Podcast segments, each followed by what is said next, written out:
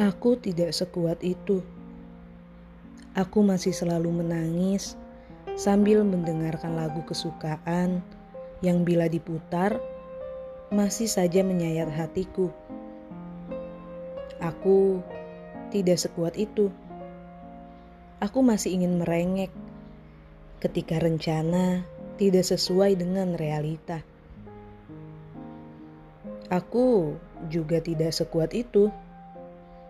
Aku masih terus berpura tersenyum, tertawa, ketika hati dipenuhi sesak karena menutupi kesedihan yang sudah di ujung mata.